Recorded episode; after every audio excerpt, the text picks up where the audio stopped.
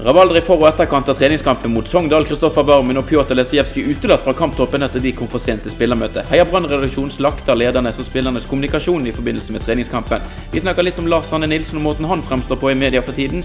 Islendingen Magni van Berger, Branns nye utviklingssjef. Vi diskuterer mulighetene og utfordringene som venter mannen fra sagaen. Og så er det åtte år siden Brann spilte europacupkamp borte mot Everton. Vi mimrer tilbake igjen til da Brann var god i fotball. Da er det klart for uh, tredje podkast i serien Heia Brann. Vi sitter på Kvarteret, og som alltid, får vi nesten si, har jeg med meg Daniel og Børge. Har dere det fint, gutter? Det har vi. Ja, du og Børge? Ja da. Sommen er fin? Veldig bra. Det er altså um, søndag 21. februar eh, når denne podkasten spilles inn. Eh, forrige lørdag, altså den 13. februar, spilte Brann treningskamp mot Sogndal i Sogndal. Pjotr Lesijevskij og Kristoffer Barmen vraket fra spillertroppen da fordi de ikke møtte opp til spillermøte i forkant eh, til rett tid. Børge, var det en grei eh, reaksjon fra brannledelsen? Ja, jeg syns det er helt greit å ikke la de være med når de ikke klarer å forholde seg til oppmøtetider. Men det ble jo en altfor stor sak ut av det. Ja. Men den skapte de kanskje sjøl? Ja, dette her er jo Brann som har rotet det til igjen. Mm. det er en liten eh, fillesak. Helt, helt greit at de reagerer på den måten når det er en treningskamp. Hadde dette vært en seriekamp, jeg er usikker på om de hadde gjort det. Da syns jeg ikke de burde gjort det. Altså, sette ut uh, to spillere som burde spilt fra start uh, på laget. Men det er jo det som egentlig er saken her, er jo Brann sin uh, håndtering av det. Ja. Eh, For det, det har jo vært saker med disse to spillerne mm. før, det vet vi. Mm. Og da begynner spekulasjonen å gå med en gang. Ja. Ja, det er det kanskje de spillerne i Brann sin stall som har på en måte flest historier som hefter med. Og Kristoffer Barmen har jo en del disiplinærsaker på seg allerede. En del har òg vært alkoholrelaterte, så vidt vi vet. Så da begynner også å gå rykter, og at de ikke da kunne drept de ryktene med en eneste gang, det syns jeg var merkelig. Ja, for det er jo en helt uskyldig ting de har gjort, egentlig. De, de har glemt eh, tiden. Mm. Eh, det er opplyst at de, de har vært på frokosten eh, tidligere. At det ikke brannlegger denne saken død med en gang. Det er faktisk fryktelig uprofesjonelt av, Mm. eh, av Brann. Skulle tro at de hadde såpass erfaring med mediehåndtering at de skjønte hva som eh, kom, og når de så reaksjonen, at de ikke bare la ballen dø med en gang. Ja, Det er veldig rart. Det virker som de reiser til Sogndal eh, sammen med masse journalister, og så har ikke de mediefolk med seg. Jeg vet ikke om det var noen Det var kanskje en eh, som drev og oppdaterte Twitter der inne, men bortsett fra det, så det virker som de var helt uh, aleine. Og Lars Hanne Nilsen er jo en uh, uerfaren mann i dette uh, selskapet her, så han burde jo ha uh, en rådgiver med seg, eller i hvert fall på så han kunne kontakte i sånne Ja, altså Jeg vil jo tro at de aller fleste i 2016 har en telefon hvert man kan bli nådd på, så man er jo tilgjengelig hele tiden. Så Ja. det em, eh, Det jeg heller ikke helt skjønte med denne saken, her, det var som dere har vært litt innom, at de ikke bare kunne legge ballen død med en gang. At de på dødelig skulle prate med Rune Soltvedt, sportssjef i Brann, som heller ikke var i Sogndal, før de på en måte skulle gå ut i media. For da hadde eh, Altså, da ja, det, det Brann ble jo en stor, stor, stor taperen oppi dette, når de håndterte den saken så dårlig som de gjorde. Men igjen så viser jo Brann sin evne til å skape overskrifter eh, av ting som ikke har med det sportslige å gjøre i det hele tatt. Ja. Og en som i hvert fall skapte overskrifter, det var Kristoffer Barmen. Han ble intervjuet av TV 2 i etterkant, eh, og da eh, kom han med et litt spesielt utsagn. Har du det foran deg? her? Ja, det han er sitert på TV 2, selvfølgelig ble overskriften også. Jeg har ikke drept eller voldtatt noen, eh, sto det å lese på tv2.no. Ja. Du Daniel, du eh, skal bli statsviter, men du har vært litt innom eh, retoriske fag òg eh, i studieløpet. Hva, hva tar du ut av et sånt utsagn? Ja, det, er jo et forsøk på en sånn språklig figur i retorikken som kaller det en litotes. Man benekter egentlig det motsatte av det man mener. Kanskje litt tungvint forklart, men altså, vi kjenner det fra Det var ikke akkurat et dårlig resultat, eller hun der borte var ikke akkurat Miss Universe. Eh, og da er det jo ganske åpenbart hva eh, som er det motsatte. Eh, sant? Da mener man at det var et ganske godt resultat. Og, og, ja. Eh, Men her, altså, hva, hva er det motsatte av å ikke ha drept eller voldtatt noen? Altså, det, er et så enormt rom der som bare åpner for tolkning. Og I tillegg så har du disse signalordene med 'drept' og 'voldtatt'. Altså, Enhver kunne jo skjønt at dette her ble overskrift, og journalisten i TV 2 må jo ha smilt og gledet seg til å sende inn denne saken. her, for Han visste jo at dette kom på fronten. Så det Jeg tror faktisk det var Levi Vatne som hadde den. eh. Det jeg tror jeg kanskje var Men det Så det var Jeg syns det var en utrolig uheldig håndtering av hele situasjonen. Både det som før kampen, under kampen og etter kampen. Og um... Men jeg synes altså Det var idiotisk sagt av Kristoffer Barmen, selvfølgelig, men uh, altså Brann burde jo drept den saken lenge før han sier noe sånt til TV 2. Det er jo, altså, han er en ung mann som åpenbart av og til gjør ting han ikke har tenkt så godt over. Det har vi mange eksempler på. Og eh, det at han åpner munnen sin for TV 2, det Ja ja, sånt skjer. Men, men Brann burde Det burde ikke vært en sak for han å snakke om. Egentlig så er det litt forfriskende at uh, Brann-spillerne ikke holder seg til disse her eh, Nei, dette kommer vi tilbake igjen til, eller eh, nå fokuserer vi på neste kamp. Altså disse vanlige klisjeene og standarduttrykkene. Så er det bra at man, man har et litt mer fargevis språk selv om det i fotball eh, Hvis du skal dra en fotballanalogi her Du kan jo da få et gult kort, en advarsel for en stygg takling. Du kan også få et gult kort hvis du måtte samler opp og har mange små forseelser i løpet av en kamp som eh, også kvalifiserer til et gult kort. Og da lurer jeg litt på hvor eh, syns dere grensen går? Jeg sier ikke at denne saken isolert sett eh, er grunn nok for Brann til å kvitte seg med noen spillere. Eh, men det er jo åpenbart ikke noe som kan Det er ikke et sånt mønster som man kan se hele tiden. Før Brann må sette ned foten og si at dette her eh, Her kan du ikke få lov til å fortsette å spille fotball. Børge, hva tenker du om det? Nei, altså det er jo de er arbeidstakere. og hvis du alle, alle som har vært på jobb Alle som har De er jo arbeidstakere. Og alle som har hatt jobb i sitt liv, vet jo det at hvis du kommer for seint nok ganger, så får du advarsel. Og det er jo, må jo være sånn i fotballen òg. Spesielt når du har en sånn eh, De skal lage en lagmentalitet. Og hvis det er noen som ikke bryr seg nok til å eh, stille opp og Men så vet jo vi lite om altså, Er dette en sånn førstegangsforseelse, eller skjer det gjentatte ganger med disse spillerne. Ja. Men det er jo greit også Nå tror jeg ikke noen tør på å komme for sent til spillermøter resten av året. i hvert fall. Nei. Så Det er jo kanskje noe positivt som har kommet ut av dette. Ja.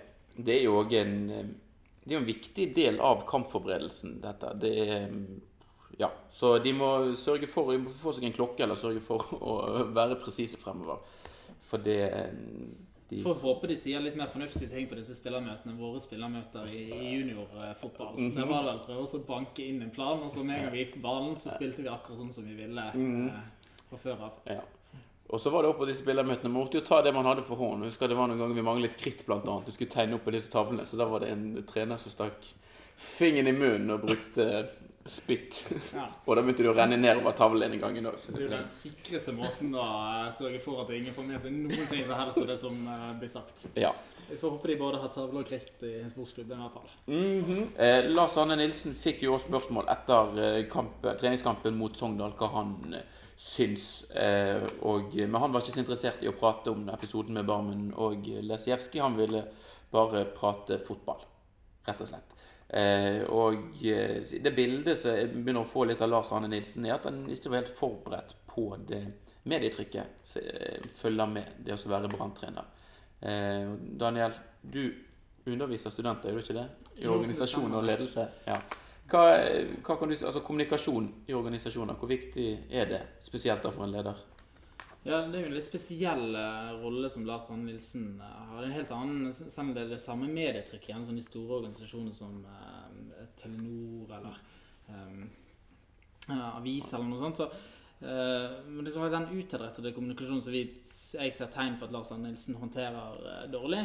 Det tror jeg er veldig avhengig av eh, hvordan det, det går med Brann. Og nå er han også ganske ny. Han har fått det som status, og han kan egentlig si litt mye, og så bygger det opp under eh, figuren hans. Men i disse spesielle her, han må på en måte både ha støtte fra omgivelsene, men aller viktigst er at han har støtte fra eh, spillerne sine. Da har han ikke den aksepten, at de ikke har troen på eh, systemet hans, eh, så, så mister han det helt. For det avhenger av sånn prestasjonskultur. Og der er kommunikasjon veldig viktig. Det holder ikke bare det at han har de riktige ideene. Han må også formidle det til spillerne. Men en forskjell på det og det å være god å kommunisere altså Sånn som Nordling var jo flink å kommunisere. Så, sånn, fin å høre på rent språklig. Men Lars Anne Nilsen viser det kanskje mer eh, med væremåten sin. Altså, så jeg tror ikke det at han eh, sier litt rare ting, egentlig gjør så mye, da. Mm. Hva tenker du, Børge? Nei, jeg, tror, eh, jeg trodde jo det at eh, Og jeg tror fremdeles det at Lars Anne Nilsen eh, har en slags eh, fripass blant supporterne i år. Det er ikke farlig om Brann spiller litt dårlig og resultatene uteblir. Så lenge de klarer seg. Men eh, det virker som om media er nesten eh, Kanskje de prøver å kompensere litt for at de var veldig servile mot Rikard Norling. At nå er de litt mer frempå, litt eh, eh, Jeg skal ikke gi han noe pusterom. Eh, jeg tror kanskje det kan bli litt slitsomt for han hvis han eh, uttaler seg surt og grinete til journalister. Jeg kan jo komme inn og legge, legge til det at hvis han har støtte i spillergruppen, så tror ikke jeg det er farlig med det presset. Det kan bli en sånn samlefaktor at nå på en måte omgivelsene har ikke så mye tro på å se hva de, de skriver her, så lenge det er en sånn støtte innad i gruppen. Men hvis en begynner å miste den garderoben, så kan det heller være en sånn faktor som, som gjør at det surner litt. Og det kan jo fort skje når Brann går på en del stygge tap utover våren, hvis det er det som ja, og, så, og, og så er det jo mennesker, eh, de som spiller. Hvis publikum surner, så kommer de til å kjenne det på kroppen på stadion ganske fort.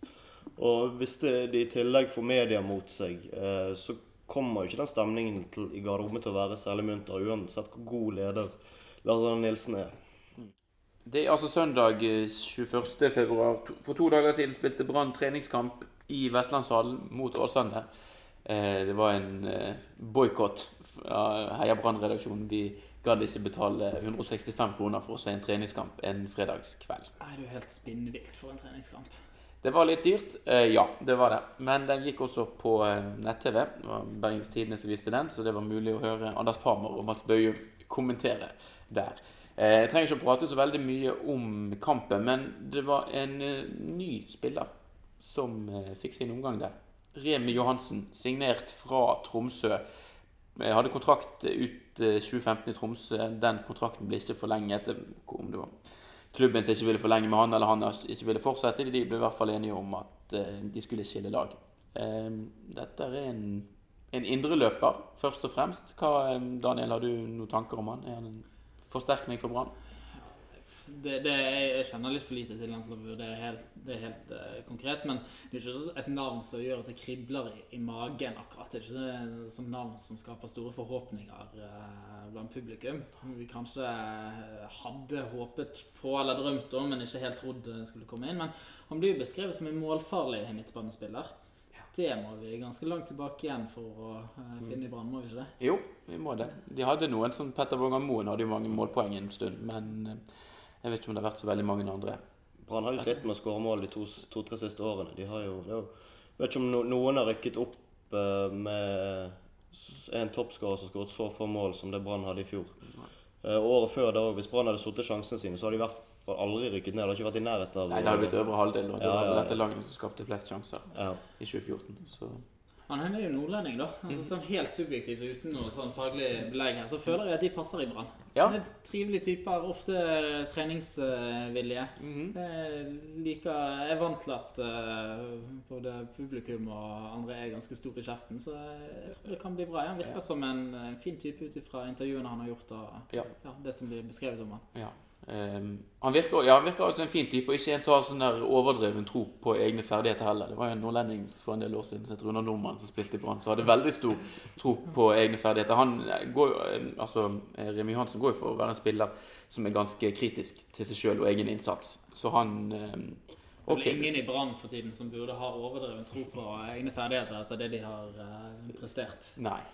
Og så bare helt kort, og nå ser jeg at både Bergensavisen og Bergens Tidende skriver at Daniel Bråten kommer til Brann på en ettårskontrakt. Vi var jo litt innom det i første podkasten, at en sånn type avtale kanskje kunne være fornuftig for Daniel Bråten. Og han er jo nettopp et sånt uh, kjent navn. Selv om han måtte bli beskrevet som kanskje litt over eh, toppen, så er han noen som folk har hørt om. Han er god på sitt beste, en artist med høyt tempo. Det tror jeg kan trekke folk til, til stadion. Ja. Han er jo en kontringsspiller. Det kan jo bli en del at Brann blir litt sånn kontringslag i år, spesielt på bortebane. Så da kan han jo passe fint inn der. Siden eh, januar 2008 så har det foregått eh, en eh, har vært veldig fokus på spillerutvikling, talentutvikling i sportsklubben Brann. Og nå For noen dager siden så ble Magni Fannberg, islending, 36 år, signert og er klar som utviklingssjef. Han skal rett og slett være treneren til uh, utviklingsavdelingen sin uh, trenere. Hva, var, hva het den klubben han kom fra? Brommapojkene i Sverige. De går for å være Er det en flinke. ekte klubb? Det, det, det skal være en ekte klubb. Jeg har sett dem på noen tabeller opp gjennom. Også. Bompibjørnene FC. ja, det, det høres nesten sånn ut. Men han har i hvert fall vært innom en del, tre- en del klubber, både eh, på Island spesielt, da, og denne Brommapojkene. Eh, utviklingsavdelingen til Brann har stort sett bestått av mange lokale krefter. Folk fra Bergen, Hordaland, Vestlandet. Kanskje mennesker som ikke har så veldig ulike tanker om alt. Men, Børge, nå kommer det jo inn en islending som ikke er farget av eh, både bergensk måte og tanker om spillerutvikling, og kanskje ikke norsk måte å utvikle på. Hva tenker du om at Brann henter inn en sånn ressurs som dette? Ja, det var jo et jævlig ledende spørsmål. Syns du det? Må jo passe litt på språket. Vi har, en, vi har en avtale med iTunes om at vi ikke skal banne for mye. Men greit. Ber du Børge være imot kompetanse og resultater? Ja. Nei, men det, det, det er fint at de henter inn kompetanse utenfor. Spesielt altså, islendingene har jo fått til eh, Hvis han har gått en skole der, så har jo islendingene fått til ting som Norge ikke er i nærheten av å gjøre. Og, og Sverige også er jo langt foran Brann Nei, Brann. Sverige er jo langt foran Norge på, eh, på spillerutvikling. Så jeg eh, ser egentlig ikke noe negativt i det, eh, uten at jeg kjenner til han spesielt. Jeg vet at han har vært trener veldig lenge til å være så ung, Ja, men han har trent lenge. Det har han. Har du, Daniel, hva Magni Fannberg Har du, har du hørt om han før? Jeg har ikke hørt om han eh, før. Um, men, ja, nå har jo den utviklingsavdelingen Var det Brun som initierte det i, når han tok over som, som sportssjef? Mm. Det har ikke vært veldig mange resultater å vise til eh, så langt. Det har vært et par OK eh, klubbspillere. Ingen enere som de har eh, fått frem. Nei. Han, han må jo levere bedre enn sine forgjengere, i hvert fall. Det får vi jo håpe at han gjør. Vi Men tenker vi kan ta en liten diskusjon på det òg, når vi først sitter her. Altså 2008 i januar, da begynte satsingen. Og hva vil dere si, Børge? Har vært har Brann sin satsing på talentene siden 2008 vært vellykket? Jeg syns eh, det har vært bra. Eh, du kan jo ikke forvente at, det kom, at man produserer landslagsspillere med en gang man starter et slags en akademi, eller hva det er. Det er ikke akademi, men eh, en gang man starter en sånn satsing. Men jeg syns det har vært eh, De fikk fått frem et par gode årganger, spesielt den årgangen med Vindheim, Skånes, Finne, som eh, Det er ikke alle de som spiller i Brann lenger, men eh, Nei, de ser rundt 94-95. ja, 94-95. Veldig, veldig fin årgang. Eh, men altså, det blir jo Det er jo en work in progress hele tiden. De som jobber i den avdelingen, skal jo også lære seg å bli bedre. Eh, så eh, om, om ikke det har blitt, vært sånn veldig økonomisk eller sportslig avkastning, så ser jeg ser positivt på den eh, satsingen de har eh, hatt. Eh, det som er en bieffekt, og det skal ikke Brann ta så veldig mye hensyn til, selvfølgelig. Eh, men det som man jeg i hvert fall opplever at de har lykkes med, i hvert fall at de har klart å produsere masse spillere som spiller i lokalfotball på et OK nivå. Og nå har man jo både at Nest og Åsane har spilt på et høyere nivå enn det altså spilt på nivå to i Norge. Man kan ikke være fornøyd med det. Brann skal jo ikke drive ungdomsutvikling for måte, lokalfotball i, i Hordaland. Målet må jo være å få frem gode eh, eliteseriespillere som styrker Brann. Og jeg, jeg syns jo ikke de har klart det eh, til noe. eh, Det ble nevnt Vindheim, Skånes og Finne her. Så eh, Vindheim sliter benken i, i Sverige. Gikk ganske tidlig eh, fra Brann. Finne fikk jo ikke Brann noen ting igjen for. Han kan jo uh, fint slå til, han, men Brann satt jo igjen uten noe uh, økonomisk kompensasjon der. Uh, Skånes helt grei uh, spiller. Eh, Har igjen også beviset på høyt tippeliganivå. Det er ikke veldig imponerende, de de har fått frem. altså. Men det man ofte glemmer når man snakker om, om, om ungdomsutvikling, det er at selv om de ikke slår igjennom på høyt nivå, så er det billigere å ha lokale spillere som stallfyll enn å hente østlendinger eller finner eller polakker. For de, de må man betale penger for å hente, og de skal gjerne ha mer lønn også. Eh, så selv om si Skånes aldri blir så stor som Rikard Norling trodde han skulle bli, så er det eh, langt bedre å ha han eh, som en sånn slags eh, fjerdemann på midtbanen enn at de må hente en spiller som kanskje spiller der i to år før han går videre gratis. eller Jeg er jo helt enig med det Børge sier om at uh, man må ha lokale spillere også som, som stallfyll, fordi det er rett og slett uh, billigere. Men spørsmålet her er jo om måten Brann har gjort det på til nå, har vært uh, riktig måte å gjøre det på. Altså, jeg, jeg stiller meg selv spørsmålet om dette med å ha en utviklingsavdeling er blitt sånn trend eller sånn myte for altså En fotballklubb, en moderne fotballklubb skal liksom ha det, uten at man stiller spørsmål ved om det faktisk bidrar til resultatene, altså om det har noen beviselige effekter. Eller om det rett og slett er bare noe man tror man gjør det fordi at alle andre har det. Um, det, sånn ser man i, i organisasjoner og i næringslivet ellers. Altså alle organisasjoner skal ha en kommunikasjonsavdeling. Alle organisasjoner skal drive med sånn samfunnsansvar. Og, eh, alle skal drive med brukerinvolvering. Men det, det er veldig lite eh, beviselige effekter av, av mange sånne tiltak. Og, eh, jeg må, vil tro at dette kan gjøres på andre måter òg. Og håper Brann har, har vurdert det, i hvert fall. Men jeg, jeg synes jo også det at um, mye av grunnen til at eksempel, at, at det ikke har fungert optimalt, det er fordi at spillerne har kommet opp, og så har ikke klubben vært gode nok til å forvalte evnene deres. Bård Finne er jo kremeksempel på det. Um, jeg tror jo det er fast bestemt at hvis Bård Finne hadde spilt i Brann i 2014, så hadde ikke Brann rykket ned. Uh, men uh, de hadde en veldig sta trener som uh, Og Bård Finne har en jævel av en agent. Um, så det gikk jo Brann Jeg syns Brann taklet det på en veldig dårlig måte. Og det er jo uh, synd, men uh, Jeg lurer på det, Er det noen oppe på Knigsens plass som har, spurt seg sjøl kan vi drive talentutvikling på en bedre måte?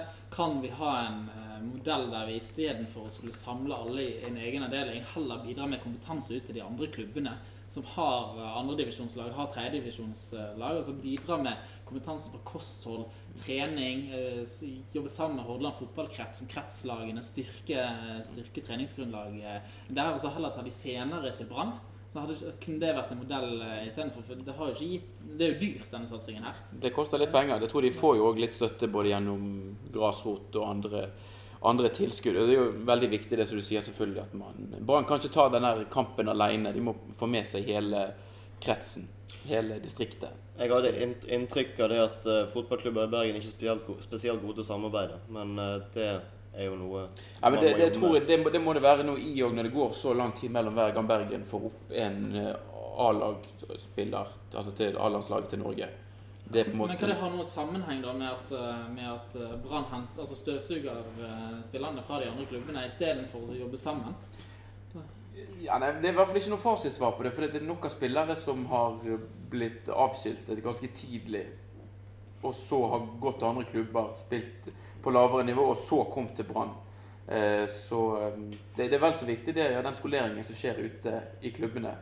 Helst så lavt ned som overhodet mulig. Det er ikke det at man skal toppe, men hvis du har de beste trenerne som trener åtte-, ni- og tiåringer òg, så har man et helt annet grunnlag når de blir eldre og vokser.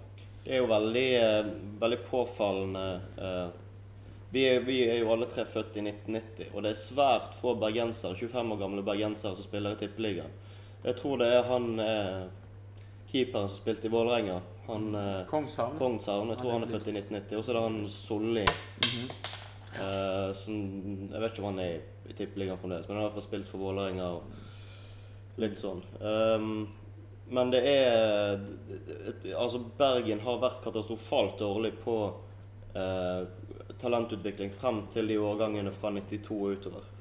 Eh, nå skal vi gi den nye utviklingssjefen eh, litt tid, men eh, om to-tre års tid, har det gått ti år siden man startet dette arbeidet, så tror jeg det er på tide med en veldig grundig evaluering, og så se om det man har holdt på med, riktig, eller om det er på tide å forandre kurs. Ja, helt klart. For de sa jo det òg, Brann i 2008. Dette er ikke noe arbeid som man kommer til å bære frukter av med en gang. Gi oss tre til fem år. Og nå har jo det gått i hvert fall fem år, og mye mer enn det òg, selvfølgelig. Og ja, den har hvert fall jeg, jeg hadde større forventninger, husker jeg, når de satte i gang dette arbeidet. Jeg trodde det skulle eh, jeg trodde Brann skulle evne å få opp flere gode fotballspillere. Og, for det har jo vært andre, Det er nok av andre klubber som har fått frem gode typer. Så sist nå så den eh, Ole Selnes som ble solgt eh, fra Rosenborg til Sandtet igjen. Du har Strømsgodset som har solgt dyr til utlandet og tjent seg, tjent seg veldig veldig rike der. Eh, så eh, Og alt burde jo ligge til rette for at Brann De hadde jo fått mye spilletid. Brann har jo ikke lagt i toppen de siste årene.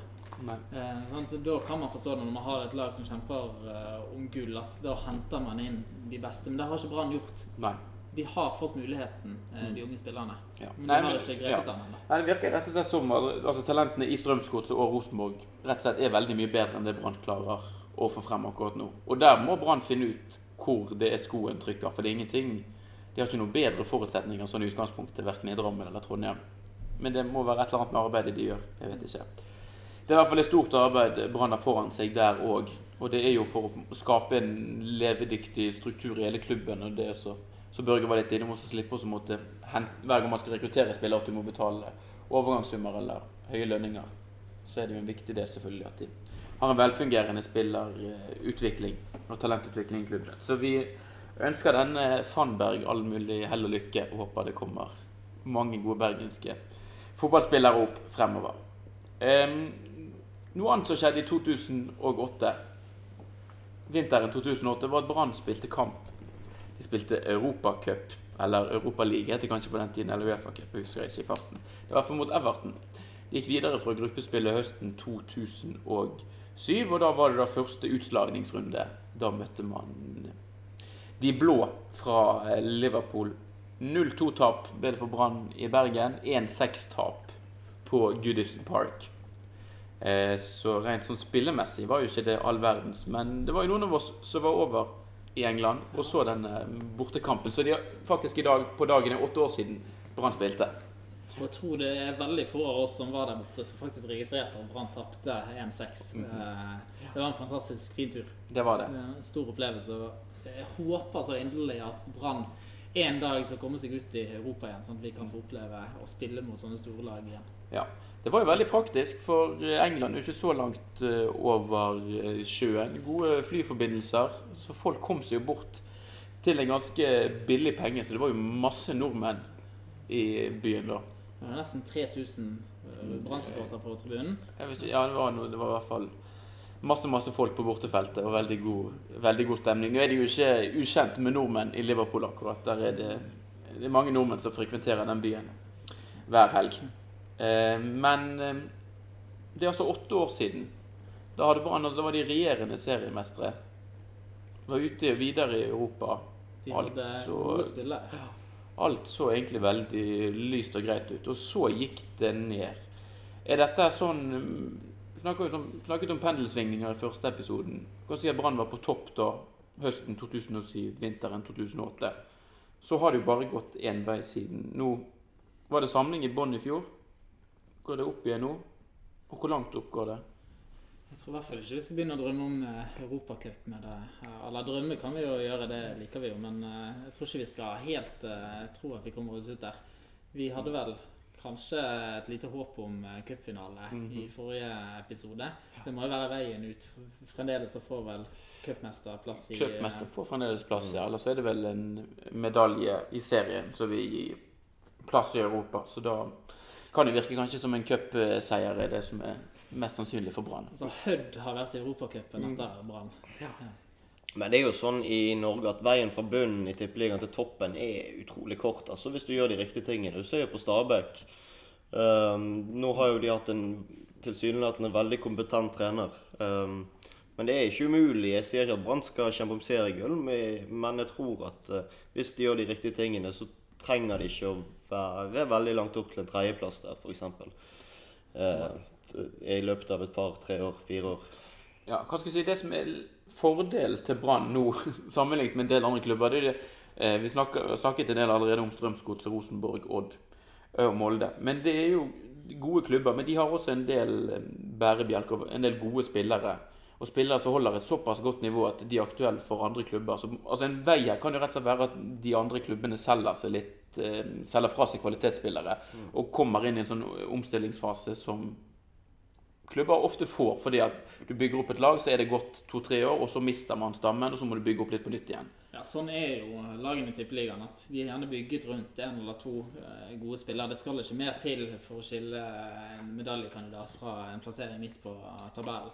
Kanskje til og med nedrykk. eh, det- Jeg tror kanskje vi bare runder av med det, jeg, og så sier det at vi, eh, en, vi nærmer oss virkelig seriestart nå. Det er Når podkasten spilles inn, så er det tre uker til Brann spiller bortekamp mot eh, Strømsgodset. Så det er neste gang må vi jo prate litt om sesongen som kommer. Litt eh, ting som vi både gleder oss og gruer oss til med Brann i 2016. Så er vi veldig takknemlige for alle tilbakemeldingene som vi får fra våre kjære lyttere. Ja, ikke alle tilbakemeldingene vi eh, får, kanskje. Eh, Min kjære samboer har jo gitt tilbakemelding på at eh, vi for så vidt er veldig flinke, men at vi snakker i 30 minutter om Jesper Snork. okay. Hun er både fra Østlandet og, lite fotballinteressert. Men, Ja. Forferdelig kombinasjon.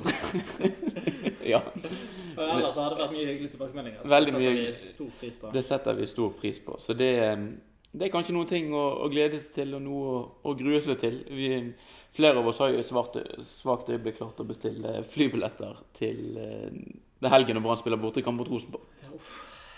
Så det er bare å stålsette seg. Det blir nok en ny traumatisk opplevelse på Lerkendal. Men vi begynner å bli godt vant etter hvert. Ja, vi har sett uh, Brann få uh, ettertrykkelig juling på Lerkendal før, så eh, Ja. Men vi husker fremdeles Jeg husker i hvert fall veldig godt når Brann slo Rosenborg. Jeg sier 6-1. Det ble vel egentlig 6 6 Men da hadde jo Brann allerede avgjort eh, kampen. Ja. Så hvis vi stopper kampen etter ca. 80 minutter Ja. 6-1 mot Rosenborg. Så er det jo vanskelig å glemme klassikeren fra 1993 òg. Den husker vi, sant? 4-0? Nei? Nei, men fint. Vi eh, snakkes igjen, vi. Det er utrolig. Og det er ikke Der er Ola By Riise i tillegg uheldig. Se her. Nydelig overlapp der fra Bredesæter på høyrekanten. Han kommer som en torpedo. Og eh, han går under armen til Ola og forandrer retning og går i mål. Og da er det 4-0. Det er imponerende det Brann presterer.